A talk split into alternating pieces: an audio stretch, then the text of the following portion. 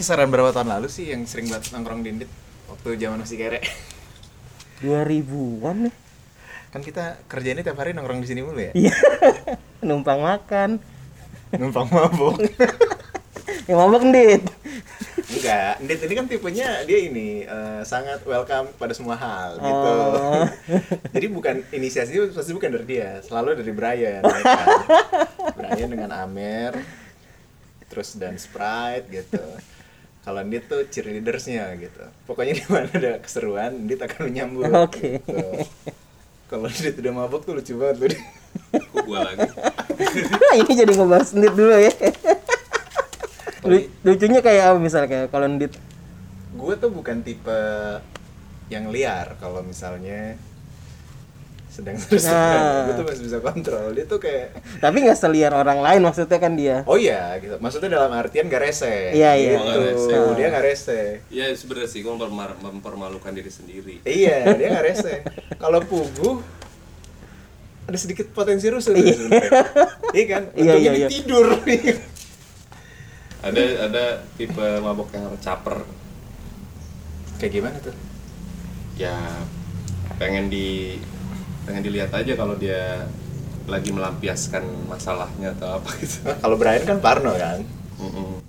dulu sini tobat inget gue gara-gara ngeliat bungkus telur jadi teman kita ada pernah ngeganja Barengan kan? Hah? Barengan kan? barengan Heeh. terus wah gue sama satu teman boleh disebut sih namanya nggak boleh pecoy namanya wah asik lah dengerin musik gitu kan Iya, di studio ya. denger deh musik ini enak Hmm. banget cuman kalau misalnya nggak giting kok biasa aja ya gitu terus Nah, musik apaan sih? Hah? Sosok amat lo.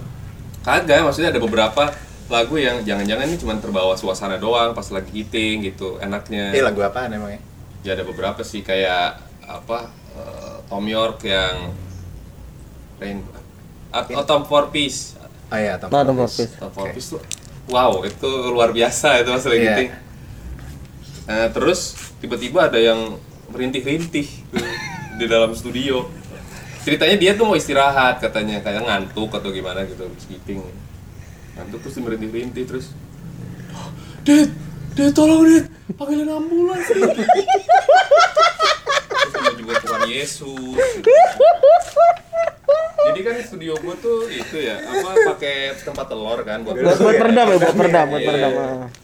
Terus bergerak-gerak semuanya. Tempat telur jadi titik-titik yang wah pada- Kata dia ya. jadi apa ya, jadi mospit gitu mospit tempat telur gitu. Mungkin ya.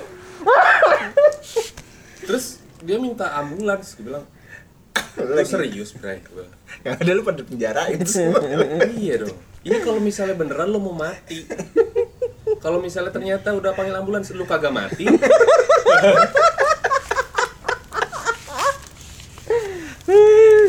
bahaya di rumah gua lagi bangsat. Terus.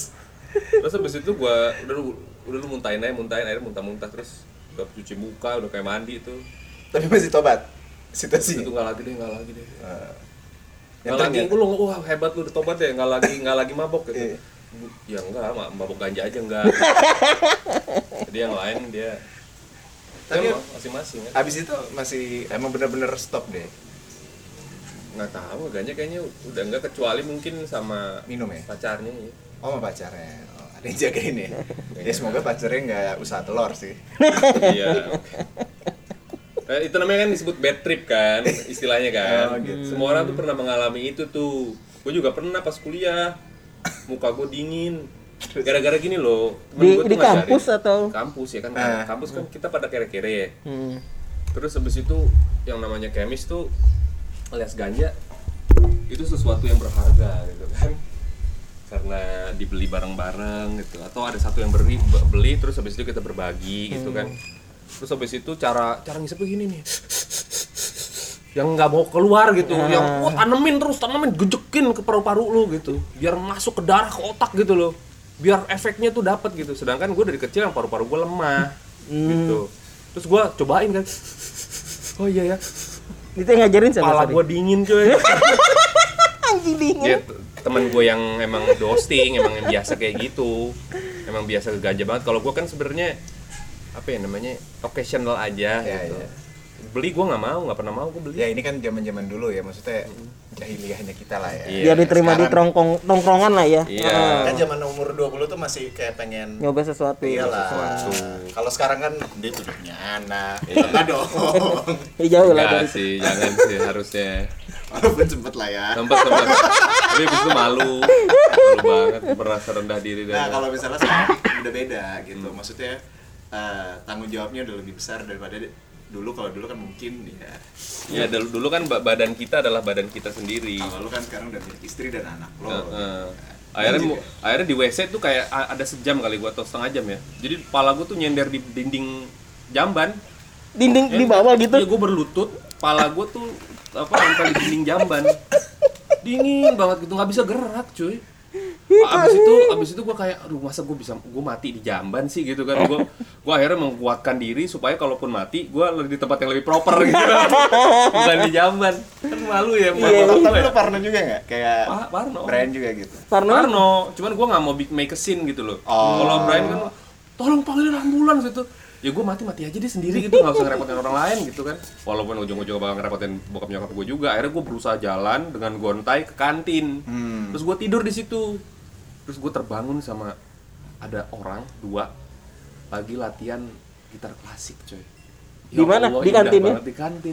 Ih, payung teduh lagi jangan ya. Gue nggak tahu. Payung teduh payung is ya, jangan is. Iya, Lu melihat semua malaikat. Iya, itu itu bagian kantin yang sepi. Ah. Jadi kayak terus kena angin gitu kan. Sejuk gitu kan. Ya Allah, enak banget ya udahannya. Itu sih, udah. Nggak seru ya? Seru seru. seru. Ah enggak, maksudnya cerita-cerita goblok sih indit sih sebenarnya ini. Gua lagi. Enggak emang lu nih. Iya, Emang lu. kalau kalau nyeritain kan ini. Nek nggak di luar ini ya, maksudnya di luar ngeband dan lain-lain ya. Di luar ngeband dan lain. Gue yang selalu inget itu sih yang dia berak. berak di show. Endit, Endit kan emang terkenal ini. Oh iya, sebenarnya dia kalau gue selalu bilang nih, Endit itu kayak Newton sebenarnya. Dia itu bisa nyeting ngeberak kapan aja gitu. Ah. Jarang loh orang bisa ngomong kayak gitu. Bisa Nah, gue jelasin ya, gue jelasin ya. Gue maksud gue, gue berusaha untuk kalau misalnya lu bilang bisa kontrol, gue nggak akan bisa bisa di pinggir jalan terus tiba-tiba berak gue. Kalau misalnya gue bisa kontrol. Masalahnya gini, gue gue berusaha untuk mengeluarkan sebelum eh, apa sebelum akhirnya nanti terjebak di masa-masa sulit gitu loh. Jadi misalnya sebelum jalan jauh gitu, gue, gue paksain berak dulu. Karena gue tahu nanti di jalan tuh pasti ada rasa pengen berak dan saat itu terjadi, gue nggak bisa nahan gitu. Nah itu yang maksudnya pertama cerita dia yang waktu lu SMP berarti ya, yang lu berak di iya itu itu pun udah cerita kesekian sebenarnya. Enggak, gue ngalamin satu sama dia ada. Itu lucu, ntar gue ceritain. Oke, Yang, yang dia berak eh, SMP. Enggak, ini kan gue tangkap aja cerita dari lo kan. Dia kan nggak tahan tuh. Sejarah dia bisa berak di mana aja. Kalau lagi morkan kan kutir tidur di mana pun gue bisa. Kalau ngedit gue berak di mana pun gue Gue harus dikeluarin kalau enggak gue gue bukan cepirit lagi cuy. Kalau bahasa Sunda kan ada namanya busiat. Itu tuh asal kata buset gitu. Busiat tuh lu seberak-beraknya berak. Jadi dia berak di bangunan hancur. Yang katanya seminggu seminggu kemudian nih. Iya beberapa saat kemudian Sebenarnya jadi warteg. ada yang lebih parah lagi sebenarnya suatu ketika tuh dapat project sebelum gue masuk radio project di Bandung ada syuting kan terus habis itu macetnya parah di tol. Gue pengen berak. Akhirnya gue turun di jalan tol. Terus? gue nyebrang. Nyebrang jalan saking sepinya. Apa saking macetnya. Gue nyebrang ke perumahan penduduk. Hah? gue ke perumahan penduduk numpang akhirnya nyari. Terus di situ jadi kayak masih desa banget coy. Akhirnya gue nimba sumur dulu coy. Anjir terus mana ada nggak ada gayung lagi Eh tapi gue nih, gue tuh kuat nahan berak.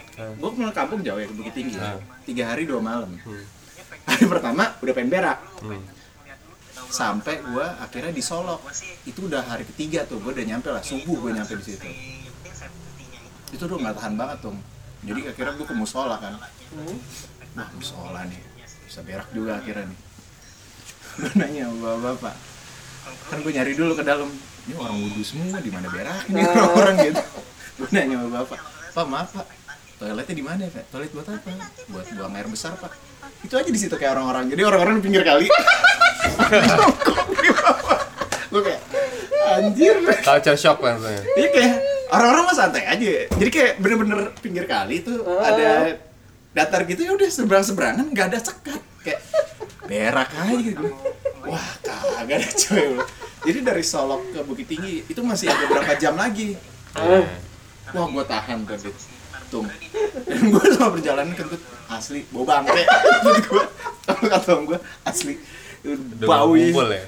bau banget lu bayangin dua hari dua hari gue nahan berak coy jadi gue nyampe rumah nenek gue langsung berak udah parah banget